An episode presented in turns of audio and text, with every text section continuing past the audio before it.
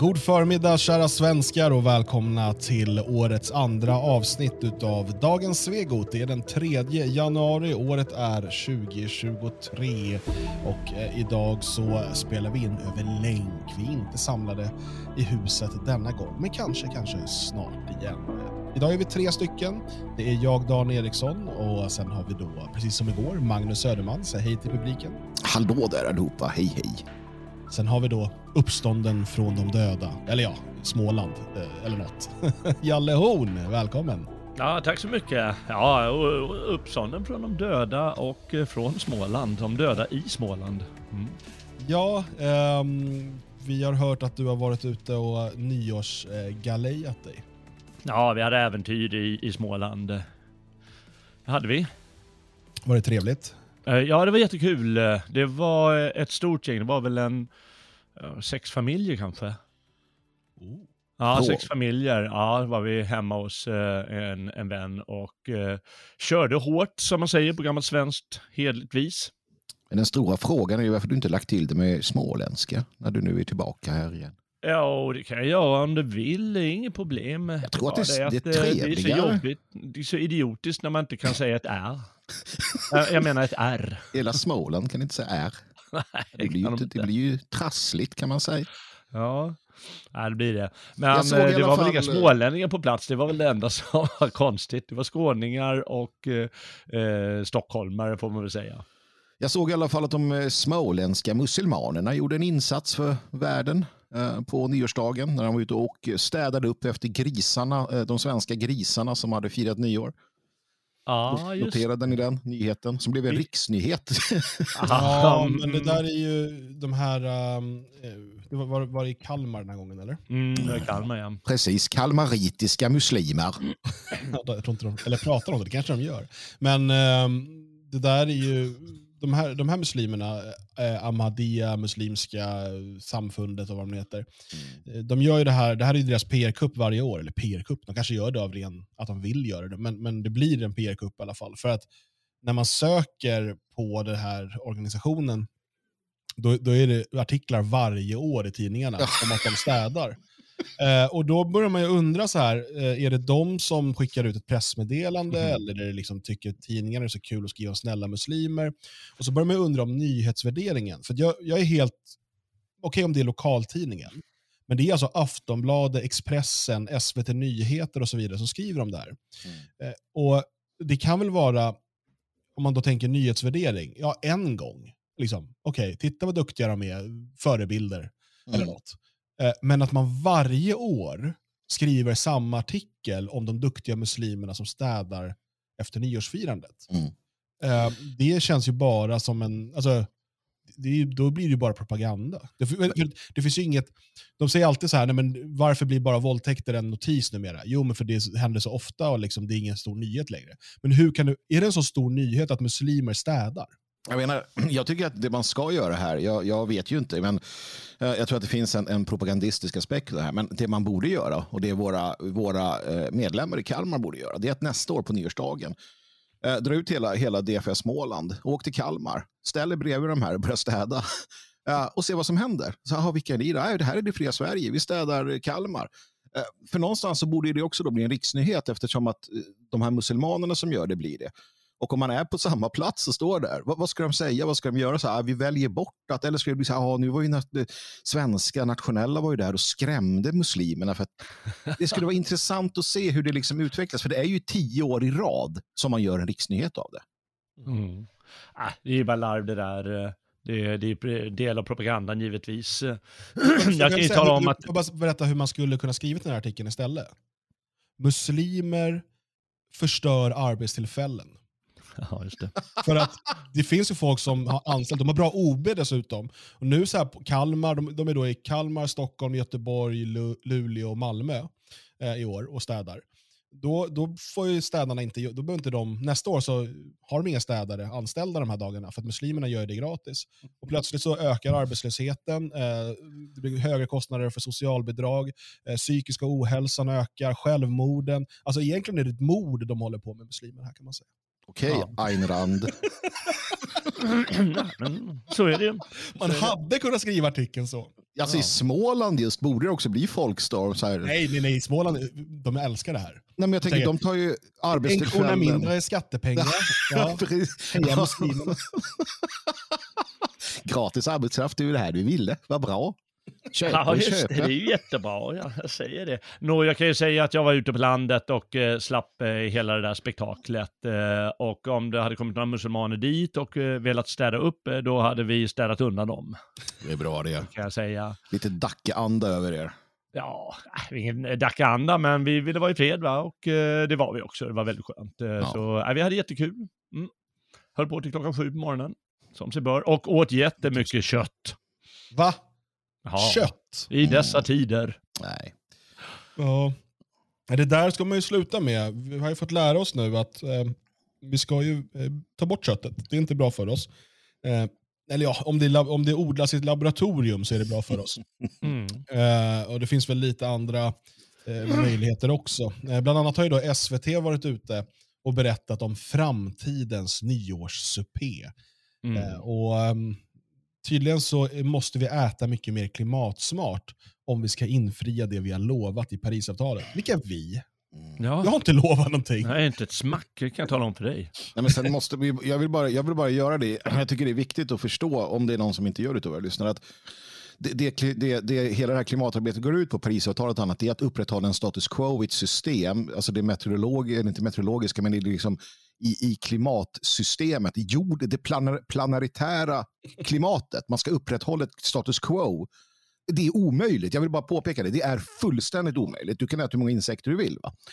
Eh, och det är det som gör det här så, så fruktansvärt svekfullt någonstans. För att idén de kablar ut är att om, om, ni bara låter, om vi bara bor i poddar, äter insekter, betalar skatter så kommer det vara precis som nu, vilket det inte kommer vara.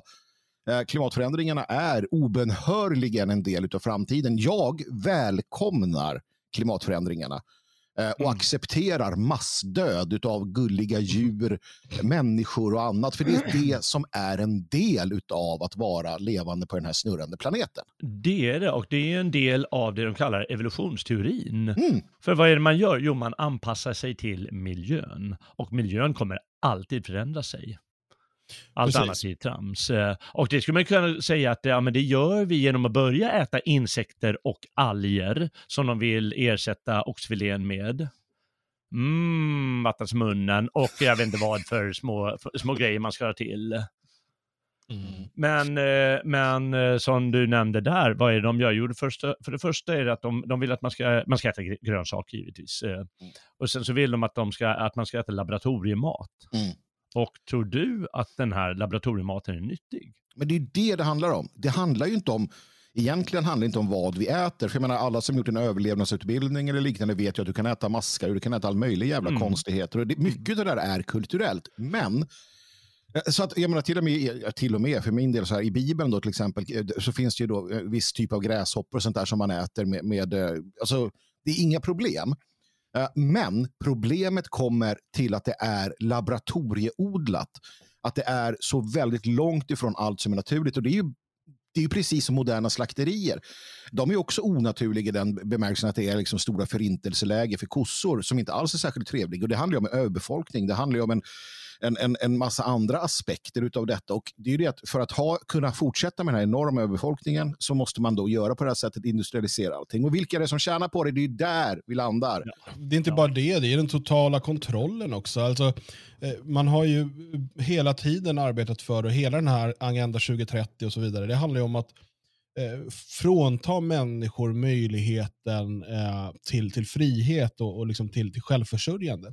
Eh, man, man steg för steg gör det omöjligt att eh, vara eh, ens liksom, småskalig bonde eller storskalig bonde med, med tiden också. Eh, utan istället så som sagt kött ska produceras i laboratorium som kontrolleras av Monsanto, Bill Gates Foundation och, och allt vad de här stora Nestlé eller vad de nu heter eh, som, som kontrollerar så mycket annat av matproduktionen. Man förbjuder dig att så med ditt eget utsäde. Eh, du måste istället köpa genmanipulerat utsäde ifrån Mm. Monsanto. Det här ser mm. vi runt omkring hela världen. Ja, så är det redan nu kan jag tala om. Precis, precis. Mm. Och Det här gör man steg för steg, så gör man det eh, att du är helt beroende av de här globala jättekonglomeraten för att ens kunna få mat på bordet. Kombinera det dessutom med domedagspropaganda, att om du inte gör som vi säger, då mm. kommer världen gå under. Alltså helt ärligt, lyssna på vilken religiös sekt du vill. Och sen så bara lyssnar du på vad de här klimatalarmisterna säger så har du samma mekanismer. Alltså, mm. om du inte gör som vi säger, då kommer du brinna i helvetet för alltid. Då kommer världen gå under, eh, himlen kommer störta in, eh, det kommer komma syndafloder och så vidare. Eh, om du gör som vi säger, då kommer djuren vara glada, det kommer vara blå himmel och, och liksom alla kommer må bra.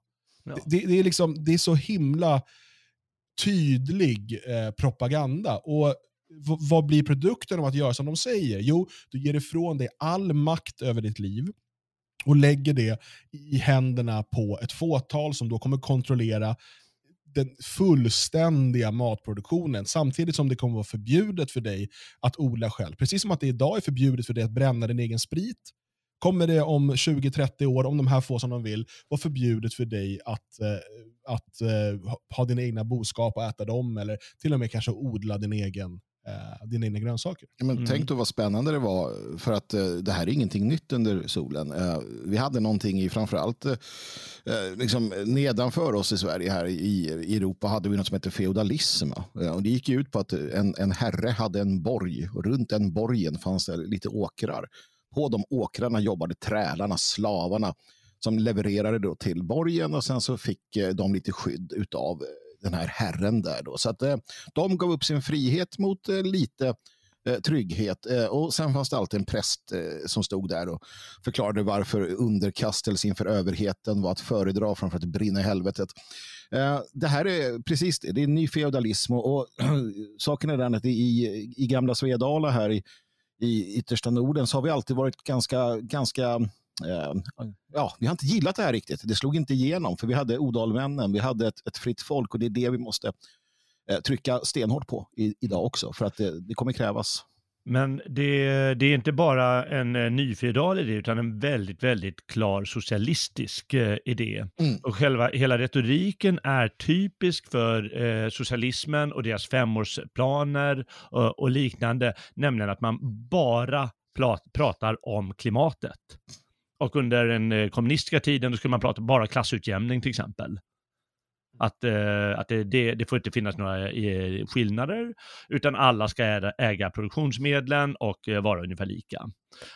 Och det är samma sak här, då struntar man i alla negativa effekter, precis som man gjorde i Sovjetunionen, eh, till exempel i Tjernobylfallet. Ja, nej, men det hände ingen olycka säger de. Nej, men det händer inga negativa effekter om det blir en olycka och så vidare. Det kan nämligen inte hända och det ska inte få, få sägas. Och eh, problemet här är att det finns väldigt negativa effekter av eh, den här överdrivna växtbaserade kosten och eh, den här laboratorieskapade kosten och det är att den är ohälsosam. Mm. För människor måste äta kött för att, få åt, eh, för att dra åt sig en massa olika mineraler och för att eh, hela tarmfloran ska funka som ska, vara, ska det göra och hela tarmarna ska fungera som de ska göra. Annars får du autoimmuna sjukdomar som cancer och så vidare och diabetes och massa problematiska. Kroppen gör uppror mot sig själv. Mm. Och det där, det, det, kommer, det finns ganska mycket forskning över det här, men man skiter i det. För det andra intresset väger så mycket högre och all retorik går ut på att tjata om det hela tiden. Mm. Nej, då finns det um, lite piller du kan äta så att du får i dig lite saker. De, vi har ju Monsanto och Nestlé och sådär. De har lite piller också som du kan ta som, som tillskott då när du inte får i dig det via maten. Mm. mm. Eh, ska, man, ska, man ska inte bara måla fan på väggen, utan eh, eh Magnus påminner om att eh, den här SVT-gubben Johan Bergendorf, eh, mm. vetenskapsreporter under hur vetenskaplig han är egentligen, men han säger en bra grej och det här med gamla grödor återkommer. Och det sa du också Dan, att eh, utsädet, det är ju patent på de här utsädena och de fungerar bara ett år. Och sen måste man gå till, gå och köpa nya utsäden. För du får inte ha det egna. Men de här gamla grödorna skriver han i en liten del av artikeln att de kommer tillbaka. Och det finns faktiskt svenska bönder som gått ihop och skapar eh, genbanker över de här gamla grödorna som de vill kunna använda. Mm. Ja, men det där är jätteviktigt. Jag vet att det pågår andra, äh, det pågår andra initiativ och funderingar på just äh, att, att, äh, att, spara, att hitta och spara grödor som, som klarar då att återplanteras. För det är som du säger, idag så köper du tomater. Liksom, så efter ett år måste du köpa nya tomatfrön. för att du kan inte plantera om de du har odlat. För du, du kan inte det. Nej, det här gällde i första hand spannmål. Då. Mm. Nej, men precis, och, men, men det finns ju andra saker här som händer också som är väldigt positivt tycker jag. Och det är ju som vi ser då, eh, Eh, om vi går över till den teknologiska Twitter-sfären, där jag såg häromdagen bara hur en sån som Jordan B. Peterson och Elon Musk med flera visade stort, eh, stor misstanke gentemot en sån som eh, Schwab och, och, och till exempel då World Economic Forum. Något som de verkar ha missat att det fanns överhuvudtaget, då, fast andra har pratat om det i fem sex år.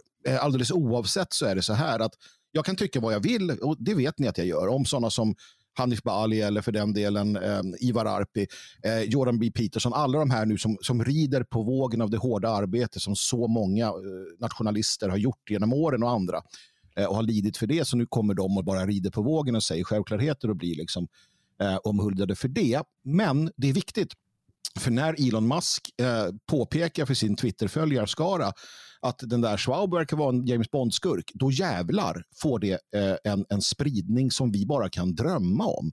Eh, och Vi pratar om miljoner och åter miljoner människor som sakta men säkert vaknar upp till att vänta nu, det finns alltså en, en styrning, en kontroll, det finns en vilja från vissa. Att, och jag har sett fler som belyser just eh, VF och, och så vidare. Sen ska man inte hänga upp sig för mycket på dem. Det finns många andra aktörer här som Dan var inne på, Monsanto och liknande. Alltså vi måste förstå storföretagen Blackrock. Vi har ju de här stora investmentbankerna.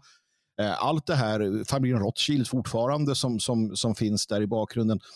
Eh, men det är väldigt viktigt att det belyses och jag tror att, att vi ser en, en renässans eller en, en, en ny förståelse som ett andligt uppvaknande om vi så vill som, som kommer sprida sig Uh, speciellt i dessa tider då med, med, kris, ja, permakris som vi faktiskt kan eh, konstatera råder. En permanent kris, det, det är vad vi lever i och kommer att fortsätta leva i. Mm. Det, är lite, det, det Elon Musk säger där, för att eh, Jordan B. Peterson säger Who is Klaus Schwab anyway and why are elected world leaders accepting and promoting his vision?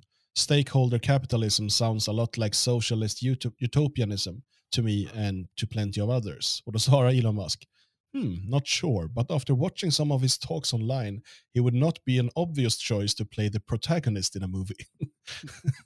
det är liksom, han är James Bond-skurk. Liksom. uh, och, uh, nej, bara att de har den, och då kan man kolla här att uh, Petersons tweet har nått 10 miljoner människor, Elon Musks nästan 5 miljoner. så att det är ju det är många ögon som hamnar på det där. Ja. Ska vi lyssna på eh, bara SVT-inslaget då innan vi går över och, så att ni får, ni får en bild av framtiden 2050 eh, om mm. klimatsektorn får som de vill.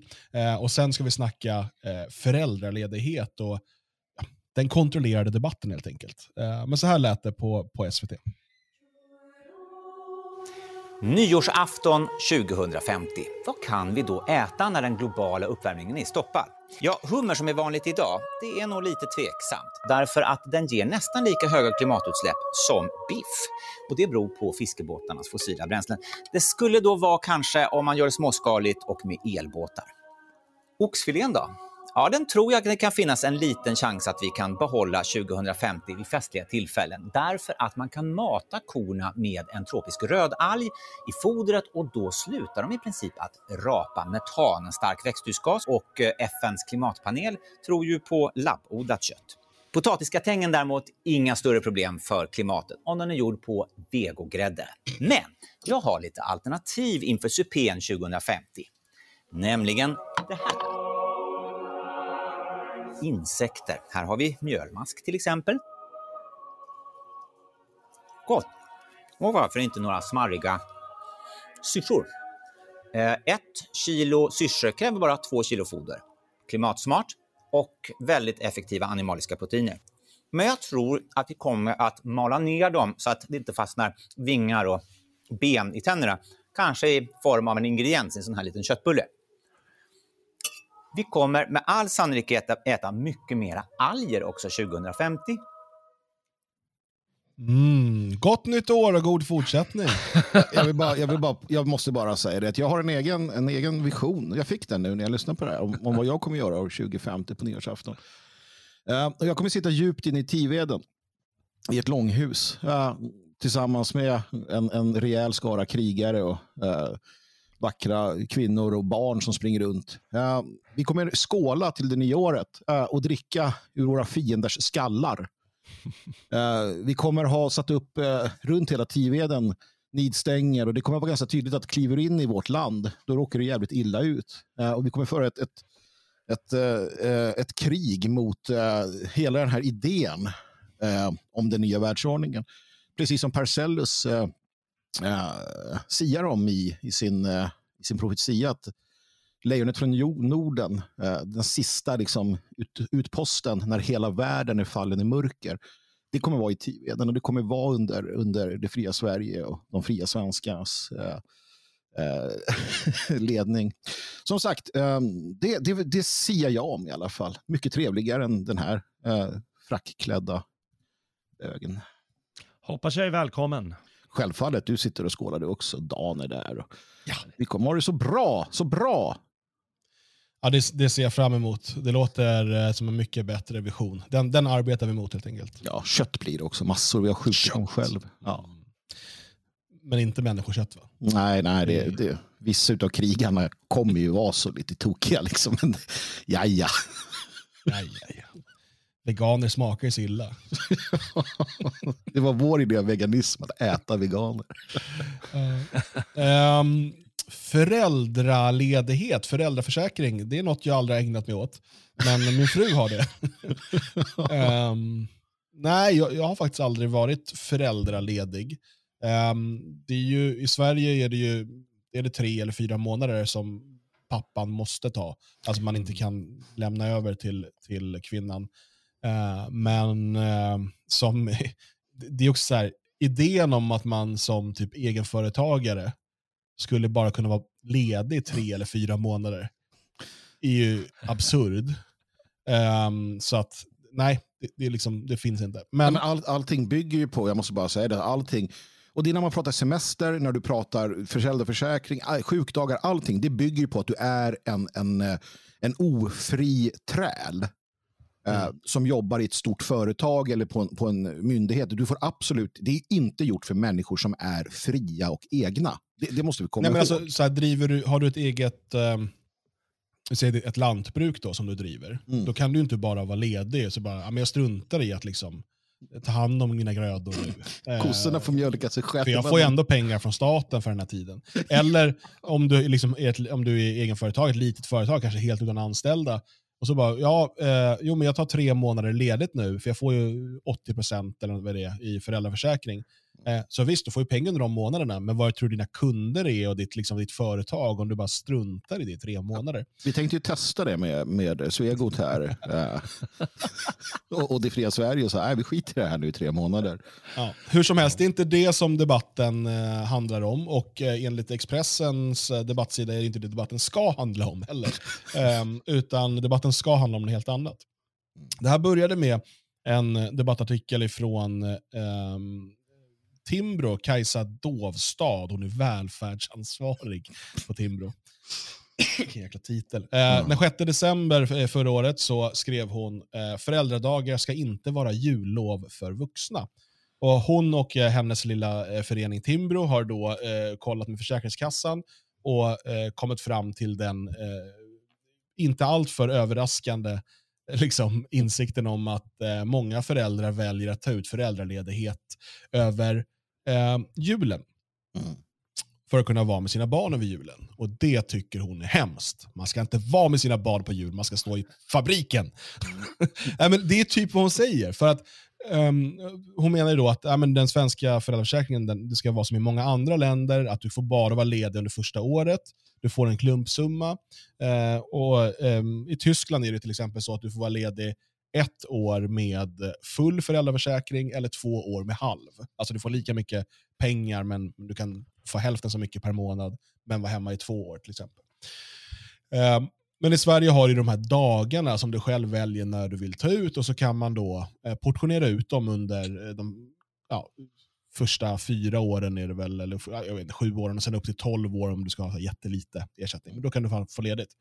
Eh, och Det här tycker hon är illa, för att det finns ju folk utan eh, barn.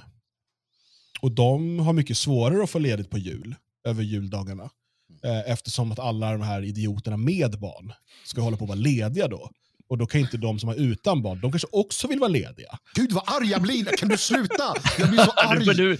Jag blir så jävla arg på den här människan. Vi måste ju storma Tibros jävla... Vad heter de? Timbro? Skit i vad de heter. Och bara kära och fjädrar. Fan! Men, men och, och, så här, vad är då Kajsa Dovstads bild av vad julen är? För hon skriver så här. Men barn lider knappt av att den ena föräldern är borta halva julafton knappt, vartannat år. Eller knappt. Så. De tycker det är lika kul med tomten ändå. Oh. Alltså, det, jul handlar alltså om tomten. Att barnen ska tycka det är kul med tomten. Att de ska Inte... lida lite grann. Kör kalanka hela dagen så är ja, barnet alltså, nöjd. Det finns liksom inget inneboende värde av att familjen är samlad och har flera dagar där man är med varandra och är liksom bara, man är med familjen och kanske träffar släktingar och så vidare. Utan, vadå tomten kommer ju även om pappa står på fabriken. Mm. alltså, Ensamstående creeps ska också vara hemma och så här. Jag är minsann stark här i min egen ö. Jag väljer bort all, allting. Jag vill inte ha någon familj utan jag ska äta hasselnötter för mig själv. Och det är så jävla bra. Jag skiter i om jag... Liksom, och då så här, ja, men det, det, är lika mycket värt. Men det är det ju faktiskt inte. Um, så här, det här är då, och det här är starten på debatten. Då är det då Timbro här som tycker, och Timbro representerar då högen Yes. Ja, kanske vänstern kan i alla fall komma med ett ja, familjeperspektiv. Och högerns perspektiv är då att det ska inte vara lagstadgad rätt att kunna vara hemma med sina barn mer än första året. Eh, utan vi är alla individer och den som inte har barn har lika stort behov av att vara ledig liksom, som den som har barn. Eh, barn behöver inte ha sina föräldrar och sådär. Men jag måste, jag, förlåt, jag måste bara säga, men varför inte högerns idé, det ska inte finnas någon reglering? Var, varför, varför ska de ha en viss reglering? Ja, för det är hög, att, de är högersocialister. Vänta, precis, vi, hög... vi, måste ju komma ihåg att Liberalerna till exempel ja. Eh, och KD, de är ju för alla möjliga inskränkningar av just familjen. Ja, just nej, familjen. Är, och vi kanske bör börja benämna dem som högersocialister och vänstersocialister. Jag, jag tror det är bäst så. Mm. Men, då, då, men då vaknar vänstersocialisterna. Från Arena Idé, du vet eh, där eh, Sandro Scocco eh, brukar briljera. Där kommer då Elinor Odeberg till familjens försvar. Yes. Eller? Under rubriken “Timbro bryr sig inte om barnen”. Äh? Men nu finns det, nu kommer vänstern här och bara står upp för familjen. Uh, och då skriver hon, men föräldraförsäkringen har också baksidor. Inte att föräldrar är hemma med sina barn över julen, utan att uttaget av föräldraledighetsdagar fortfarande är ojämställt. Trots vikta månader tar kvinnor fortfarande ut 70% av föräldrapenning och vabbdagar. Detta bidrar också till att cementera en deltidsnorm i kvinnodominerade yrken. Ja, då stormar vi eh, Och sen säger de, eh, för att jämna ut kvinnor och mäns villkor som föräldrar och arbetstagare borde därför föräldraförsäkringen individualiseras, det vill säga delas lika. Alltså, låt oss nu, jag vet inte hur många månader, är det 14 månader, 12 månader föräldraledighet man har totalt? Det är något sånt där va? Ja, 460 dagar eller sånt där. Jag bara tar mitt eget exempel då. Jag är egenföretagare, jag kan inte vara föräldraledig. Men i socialdemokratins, eller Arena Ades Sverige, så skulle min fru bara kunna vara hemma sex månader med barnen. Eh, för resten ska vikas till mig. Jag får inte då säga att nej, men det är bättre att min fru är hemma för att dels kan hon vara hemma och dels tycker vi att det är bättre för barnen. Eh, och vi har ju betalat för den här försäkringen hela våra liv. Eh, utan då är det så här, nej, men, men jag kan inte vara ledig. Det spelar ingen roll, då får barnen gå på dagis. För att det är bättre för Alltså, för att kvinnan måste ut i produktionen. Det här är ju också det som hela tiden är poängen. Måste ut och sälja sin arbetskraft. Eh, så att de två idéer som presenteras i den här debatten, och vi ska komma till Timbros avslutning sen, det är ju då Timbros idé om att eh, försämra föräldraförsäkringen eftersom att kvinnor måste arbeta mer. Eller socialist, vänstersocialisternas idé då om att försämra, eh, försämra föräldraförsäkringen för kvinnor måste arbeta mer. Det är exakt samma förslag fast på Mm. olika sätt. Alltså, det är exakt samma mål de har. Mm. Alltså mindre tid med barnen, mindre frihet för familjen, sälj din arbetstid mer. Eller din arbetskraft. Men det är ju så, för man måste förstå att den här laissez-faire-kapitalismen som man liksom pratar om, som är, det är ju inte en motpol. Alltså den, den höger vi har haft ganska länge, som har benämnts som någon form av höger, det är ju bara två sidor av samma mynt. Det, det måste man förstå. Tyvärr gör ju folk inte det naturligtvis. Men, eh, nej, men då det blir så väldigt, väldigt tydligt här. Det är ju samma sak att båda är för mångkultur, båda är för massinvandring, båda är för eh, övervakning och så vidare. Men de har olika ingångsvärden bara. Ja, hur? Jag- skulle ju, höll på att lägga till där att eh, barnen eh, får också vara på dagis på julafton givetvis. Som ett komplement till eh, de här två damerna. Mm. Ja, nej, men det är givetvis fruktansvärt. Den, den enda vettiga saken, eh, vad heter hon då, den här Timbro-tanten sa det att föräldraförsäkringen borde göras om. För den, har, den är ju fel i grunden och det är det ju givetvis. Redan nu. Jag menar, det, det, vi, vi får ju förstå att den här socialistiska eller vänstersocialistiska eh, biten, den kommer ju ök, den kommer få mer och mer makt och det kommer delas mer och mer, antagligen tvångsdelas alltså. Mm. De pratar om individualiseras, men, men det är ju inte det, utan det är ju eh, tvinga människor att göra på ett visst sätt. Men, eh, men de får fortfarande, människor får väl fortfarande ge bort dagarna. Så att de struntar i föräldraledigheten och går och jobbar ändå. Det får man säkert. Men, men man ja, nej, för att den behöver göras om, det är vi nog överens om. Ja, Till exempel att bara etniska svenskar ska kunna ha rätt att ta ut den. Ja, men så här, det är ganska enkelt egentligen. Eh, minimera skatterna, inför sambeskattning, beskatta en familj som, eh, som en skatteenhet eh, och dessutom eh, dra eh, kraftiga skatteavdrag för varje barn du sätter till världen. Mm. Alltså, eh, för att om, alltså alternativet till ett, ett, st- ett högre barnafödande än idag eh, för att kunna upprätthålla det samhälle som de här människorna vill ha och, som vi till viss del vill ha också. Alltså ett socialt skyddsnät och så vidare. Det är massinvandringen. Det är liksom där, eh, och det är därför det är så de motiverar massinvandringen. Eh, Men eh, kraftiga skatteavdrag när, när du får barn, precis som man gör till exempel till Ungern och, och Polen nu, eh, och som man har gjort i flera andra länder, istället för bidrag. Mm. Alltså bidrag är, är alltid mycket, mycket sämre än avdrag. Mm. För att det som händer i, säg i, i ett värld där du får avdrag på skatten för varje barn istället för bidrag, det gör att den som är arbetslös kommer inte att kunna tjäna pengar på att skaffa barn. Vi kommer inte kunna se eh, somalier med nio barn som får pengarna att gå runt tack vare barnbidrag och flerbarnstillägg. Utan det kommer då istället vara de familjer där till exempel då mannen går och arbetar, där man kanske till och med blir helt skattebefriad för att du har i din familj tre eller fyra barn hemma som ni uppfostrar, tar hand, eh, där ni har möjlighet till hemskolning, där ni inte behöver sätta barnen på dagis, om ni inte vill. Alltså, jag vill inte förbjuda förskolor, tro mig. Det är inte det. Eh, utan jag vill ge människor friheten att kunna välja själva. Och där behöver ju, en, alltså man hade till och med kunnat avskaffa stora delar av föräldraförsäkringen.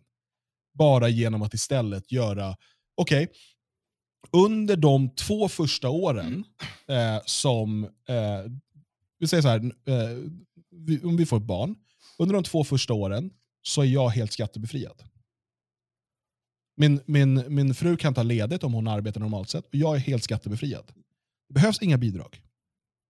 Det kommer täcka upp det gott och väl för om man har en normal inkomst. Och Istället så är man helt skattebefriad under de två första åren med, med sitt barn. Under den tiden kan man välja att lägga alla pengar på liksom kortsiktiga saker, eller att spara eller investera. Det hade varit en möjlighet. Sen är sambeskattning och så vidare självklart. Men det här handlar ju om en syn på familjen eh, som, som i grunden heller inte är materialistisk, vilket den är både från höger och vänstersocialister här. Det är bara frågan om hur snabbt kan man få ut eh, kvinnor i produktionen igen. Mm. Eh, och för mig blir det här, den här så kallade debatten också ett exempel på hur man kontrollerar en debatt. Jag skrev om det här på daneriksson.com eh, i slutet av förra året under Så kontrollerar svensk debatt för att stoppa avvikande åsikter. Just hur man presenterar två alternativ som att de vore en dikotomi, som att de här vore liksom de två alternativ man har att välja mellan. Eh, och Det här brukar man då kalla för en falsk dikotomi, som att det inte är. Men, men genom att presentera de två alternativen så, så, så sätter man ramarna för en debatt och därmed också för människors tänkande. Jag jämför i, i min artikel med hur man kan göra med barn som inte vill klä på sig när man ska gå ut. Och Istället för att fråga då, ska vi klä på oss? Så frågar man, ska du ta på dig mössan eller vantarna först? Mm. Då tror barnet undermedvetet att, okej okay, vänta, jag bestämmer nu. Mm. Eh, och så finns det de här två alternativen. Men alternativet jag vill inte gå ut finns ju fortfarande, men du har inte presenterat det för barnet. Mm. Och, här är det, och, och, och, läsarna här är ju barnet i den här jämförelsen. Och läsarna, väljarna, läser då, okej, okay, ja, eh, okay, eh, avskaffa eh, möjligheten att vara ledig över jul, eller män måste ta ut lika mycket föräldraledighet som kvinnor. Det är de, okej, okay, vilka ska jag rösta på? Och så har man, så har man då eh, fejkat en debatt. Man har liksom bestämt eh, vad, liksom vilka alternativ du har att välja emellan och vilka ramar du måste hålla sig emellan. Alternativet då att säga, vänta, eh, låt familjer bestämma allt själva och låt oss behålla våra egna pengar. Det har inte presenterats på Expressens debattsida sedan jag vet inte, 1887, då fanns inte Expressen. Men hade de funnits då så kanske det hade publicerats då. Liksom. Mm.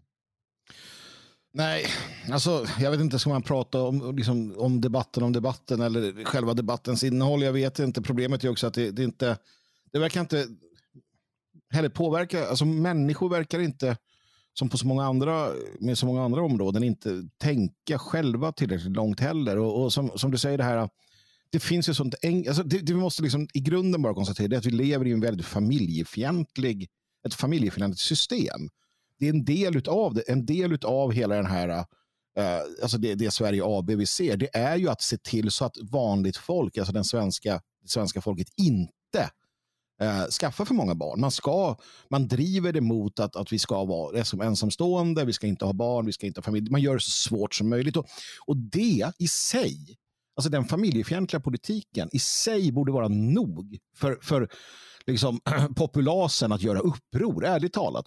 Och, så, och det är ju det i, i denna tid av liksom, kriser och eh, politik som förstör. Varje enskild del i sig hade räckt förr.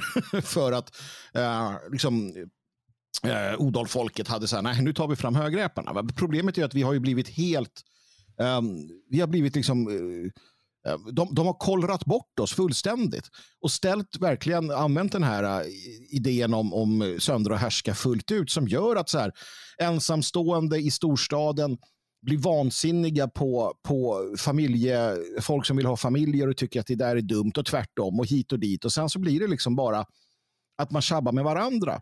Um, Medan då den härskande klassen sitter där och, och, och, skrattar gott åt vad som händer. Och det är det som, jag vet inte hur man kommer till rätta med det, det kan man kanske inte.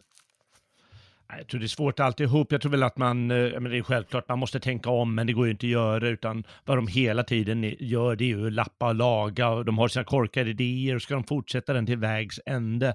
Det är ett jättestort problem det där, och, och eh, föräldraförsäkringen jag, jag, tycker också det är knasigt att föräldraförsäkringen eh, då utnyttjas med den här bisarra idén att ja, ja, men mitt barn är ju sex eh, eller sju år gammalt. Jag tror man kan göra det upp till åtta år, barnet är åtta. Att jag kan ta ut de här dagarna och att jag gör det på jul, eh, julhelgen.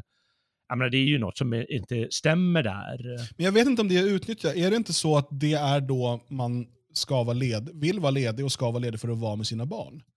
Ja, det ska alltså, man givetvis det, vara, men man kanske inte ska använda föräldraförsäkringsdagarna eh, på det sättet. Fast det är just dagar man har sparat istället för att ja, ta visst, dem. Jo, det är dagar man har sparat. Så, må, så jag vet, det... må, många gör ju så att de kanske tar fyra dagar i veckan, eh, även under första året. Mm. De får mindre pengar ja, ja. för att kunna spara till liksom, julaftnar sju år framåt.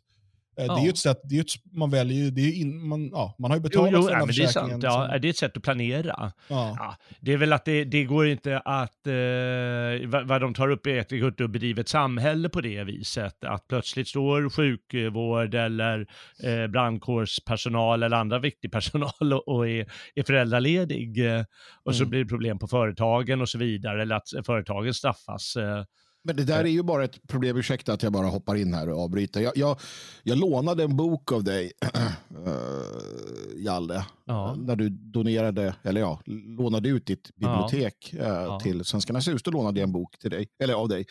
Eh, Medborgarboken heter den. Just det. Ja, kom, kom ut 56, tror jag. eller den kom ut varje år tror jag. Eller ja, sådär. Och den delades ut, ska ni veta, till alla svenskar som blev 18. Mm. Det är en tjock och stor bok med en eh, underskrift av Hans Majestät Konungen och så. Och den, den berättar om hur det är att vara svensk. Den berättar om vad som förväntas av dig. Den berättar om eh, att du som en del av ett folk och ett land och en eh, kollektiv enhet som är ditt, ditt liksom ursprung, hur du ska vara, hur du ska bete dig och sådana där saker. Och jag tänker att allt det här vi pratar om, det, det, det grundas i det faktum att globalismen har slagit sönder det mest grundläggande. Om du till exempel har en värnplikt, om du till exempel har en, en, en tjänsteplikt att ungdomar eh, under ett års tid ska ut och, ut och till exempel finnas i vården. De ska ut och lära sig om Sverige, de ska lära känna gamla gubbar och tanter. De ska vara en del av samhällsbärande funktioner, att det är en del av att bli myndig. Låt oss säga det. Då kan man säga så här, ja, men vi vill inte ha den typen av pålagor från staten och så vidare. Men, men låt oss bara lägga det åt sidan med tanke på att vi har en massa pålagor från staten som det ser ut nu. Men låt oss säga att vi skulle istället ha det att alla, alla och unga kvinnor, de ska göra en civilplikt. De ska göra ett års tjänst. Till exempel då lära sig inom vården eller annat. Eh, och då skulle man kunna se hur den delen skulle kunna ja, avlastas då varje gång. Och så vidare. Alltså det finns så mycket man kan göra. Vi är så låsta i det vi lever i. Men, Ja, men bara det faktum att du, när du blev 18 förr så fick du en bok som, där de berättade för dig om vem fan du är och vilka plikter du har gentemot ditt folk Mm. det har ju helt försvunnit. Och det, att komma tillbaka till det eh, är ju en del av att... Eh, alltså, och, och det kan vi inte göra på nationell nivå, men vi kan fan ta med göra det eh, på vår nivå. Vi kan välja sammanhang där vi blir en del av ett, ett kollektiv fritt eh, och, och, och bygga någonting nytt. Det är ju min tanke i det hela. Liksom. Mm. Ja, man måste ju kunna, man måste kunna, som någon sa, planera hur man ska göra på till exempel julhelgen. Och det kan be- behöva göra flera år i förväg. Jag, menar, jag har suttit eh, någon julafton och suttit och rättat prov hemma. Ja, för ja, men jag sparade det och det blev över och det var en jävla massa att göra. Ja, men jag, jag struntade att åka ut, det var, det var ingen stor grej den där julafton det året. Ja, satt jag hemma och, och, och rättade prov. Men då kan ju jag veta att ja, men när jag har familj, då vill inte jag att det ska vara så. Mm. Alltså kanske antingen skaffa ett annat jobb, eller jag kanske blir just lärare så att jag vet att jag är ledig under julhelgen. Ett annat alternativ vore ju att staten faktiskt gör julafton till en röd dag. Mm. Vilket inte är, inte är en så dum idé. Eftersom eh, det är ju som du säger familjedag och då vill folk vara hemma eh, till varje pris med sina barn och det betyder mycket. Eh, Mm.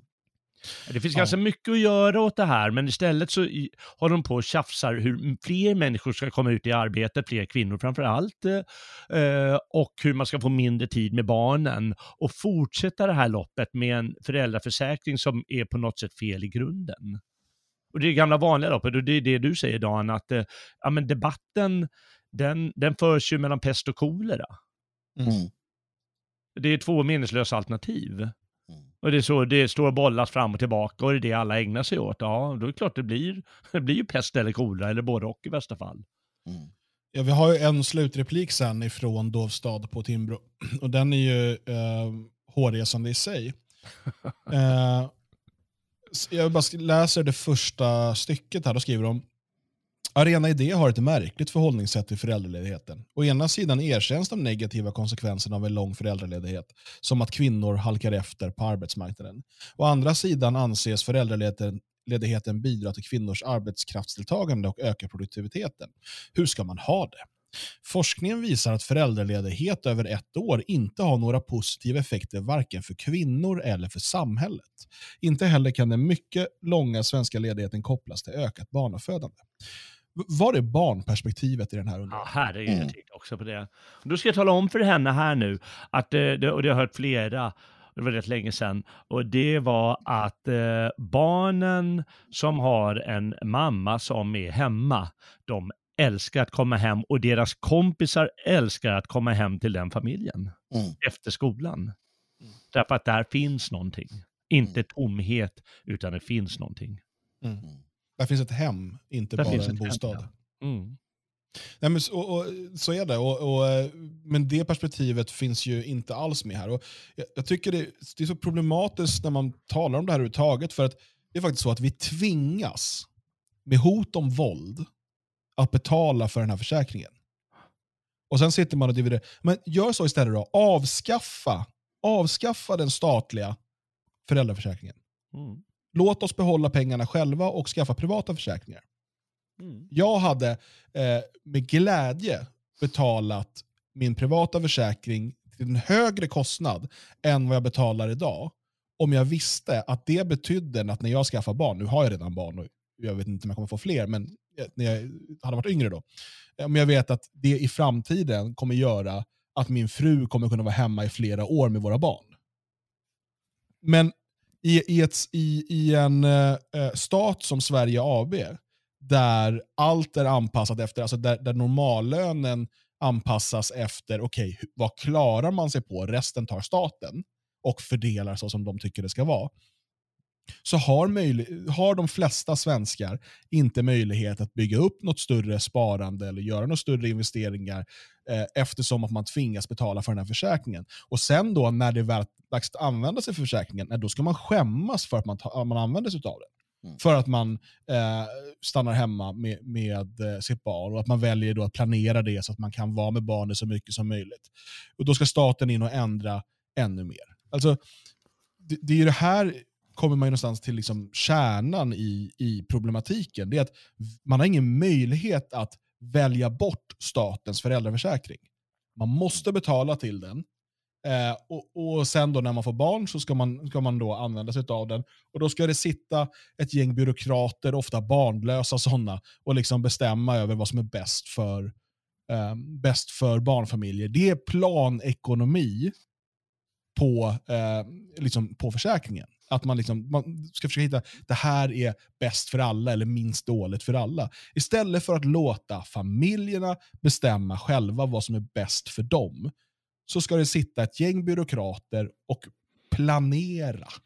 Ja, vår 20-årsrapport här säger att det bästa är om vi drar ner på det och drar upp på det.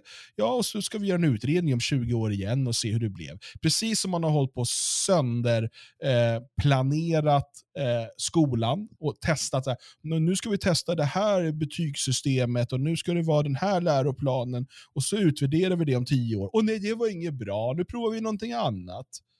Hela tiden, varenda sån här sak. Och det, för det är ju i grunden socialism. Mm. Och, och, mm. och, det är det vi ser här.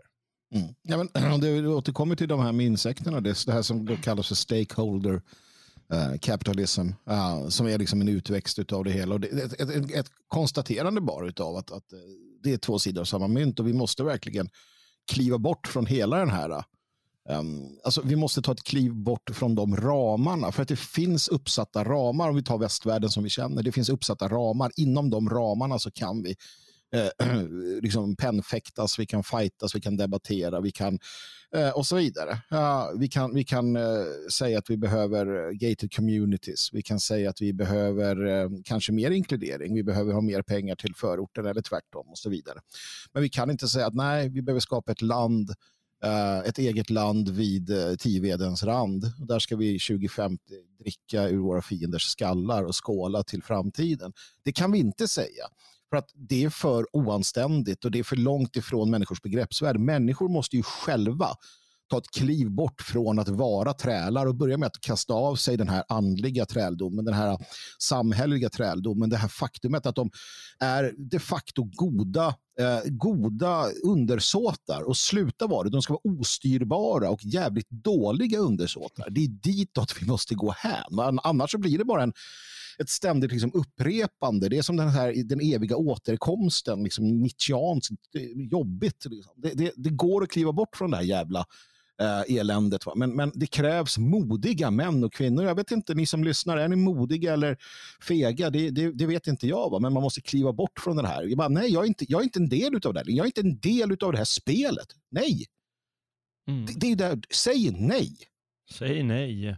Och säg ja till den här medborgarboken istället. Ja. För i den där kan det ju stå, ja men när du skaffar barn, då måste du skaffa en försäkring, då kan du gå dit eller dit eller dit. Mm.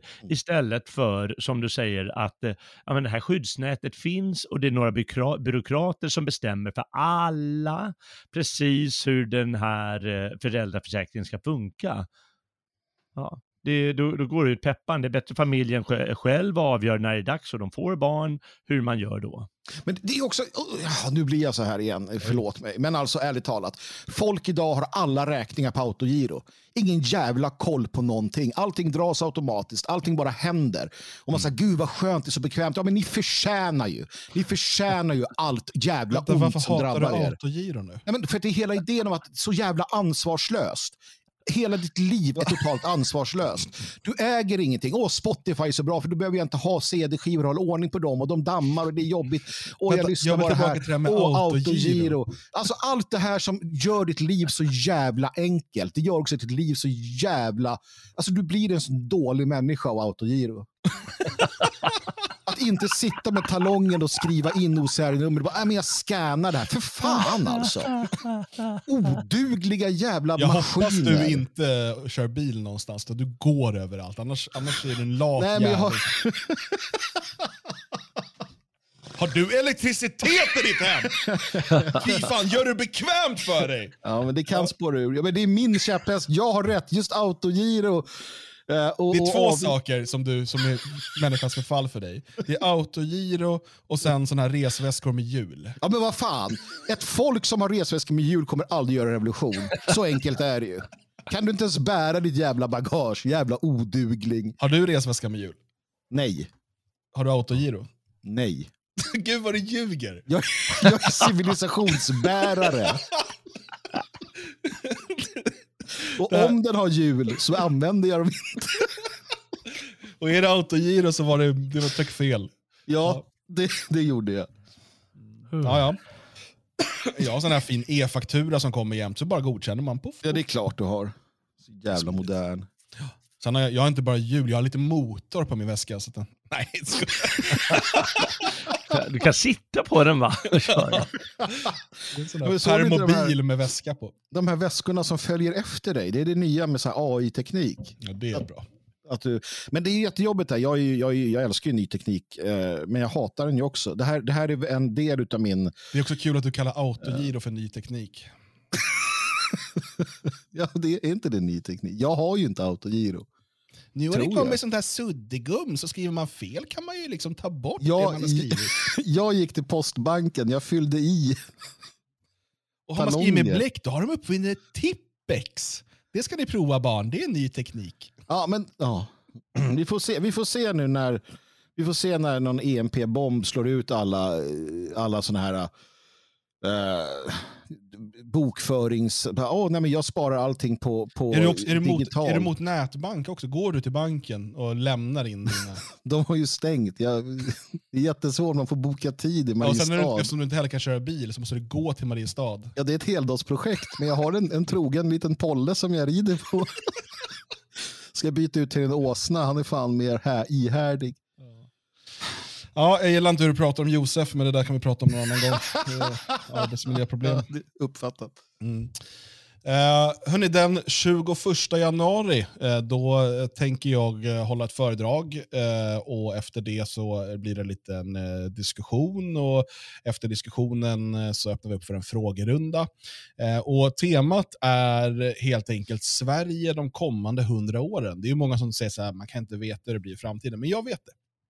Eh, jag vet åtminstone tre eh, högst troliga vägar som Sverige kan gå de kommande hundra åren. Och Det ska jag berätta om under det här föredraget. Eh, och det hålls digitalt så du kan vara med och eh, lyssna och titta ifrån ditt hem eh, eller var du nu befinner dig. Jag har också föreslagit att man ska hyra biograf och eh, där visa detta. Vi får se om det är någon som gör det. Det vore väldigt spännande. Ehm, och Det är gratis eh, att eh, delta på föredraget. Eh, man behöver vara medlem i det fria Sverige, men det kan man bli väldigt enkelt, ta bara någon minut. Eh, evenemanget finns på friasvenskar.se. Scrolla ner till kommande evenemang så klickar jag in det på Sverige de kommande hundra åren. Eh, och registrera dig gärna där att du kommer komma. Eh, det är begränsat med platser. Av tekniska anledningar så verkar det bara gå att ha 200 deltagare. Eh, och vi vet att de här kan bli väldigt populära. Eh, så att om du går in och reserverar en plats där så kommer du också få eh, en länk och en påminnelse utskickad dagen innan eh, och din, din plats reserverad enkelt. Um, hoppas att du har möjlighet att uh, delta under det här föredraget. Uh, vi kör på hela den här veckan med dagliga poddar som ligger ute öppna för alla att lyssna på. Nästa vecka är vi tillbaka med ordinarie schema med dagliga poddar för dig som är stödprenumerant och sen kör vi livesändningar på tisdagskvällar. Är du inte stödprenumerant så kan du bli det på svegot.se support. Um, var vi nöjda där? Eller vill ni lägga till något pojkar? Jag har massor att lägga till, men jag väljer att inte göra det den här gången. Eh, jag är nöjd den här gången, men nästa gång då kommer jag inte vara nöjd. Härligt. Eh, redan imorgon eh, så kommer ett nytt avsnitt och vi hoppas att du är med och lyssnar då. Och så önskar vi dig en fortsatt trevlig tisdag.